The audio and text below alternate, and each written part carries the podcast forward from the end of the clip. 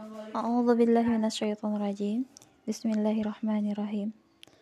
Motivasi untuk selalu menambah dan mendalami ilmu. Ayat Al-Qur'an yang pertama kali turun yaitu firman Allah taala, "Iqra bismi rabbikal ladzi khalaq."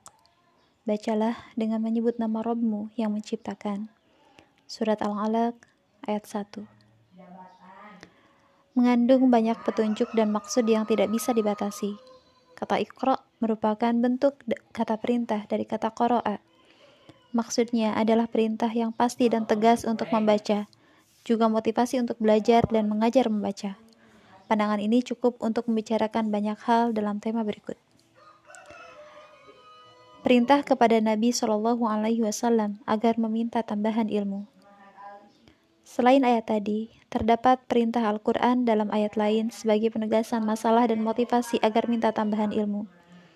Allah Ta'ala berfirman, وَلَا تَعْجَلْ بِالْقُرْآنِ مِنْ قَبْلِ أَنْ يُقْضَى إِلَيْكَ وَحْيُهُ وَقُلْ رَبِّ زِدْنِي عِلْمًا Janganlah tergesa-gesa membaca Al-Quran sebelum selesai diwahyukan kepadamu. Dan katakanlah, Ya Robku, tambahkanlah kepadaku ilmu pengetahuan. Surah Toha ayat 114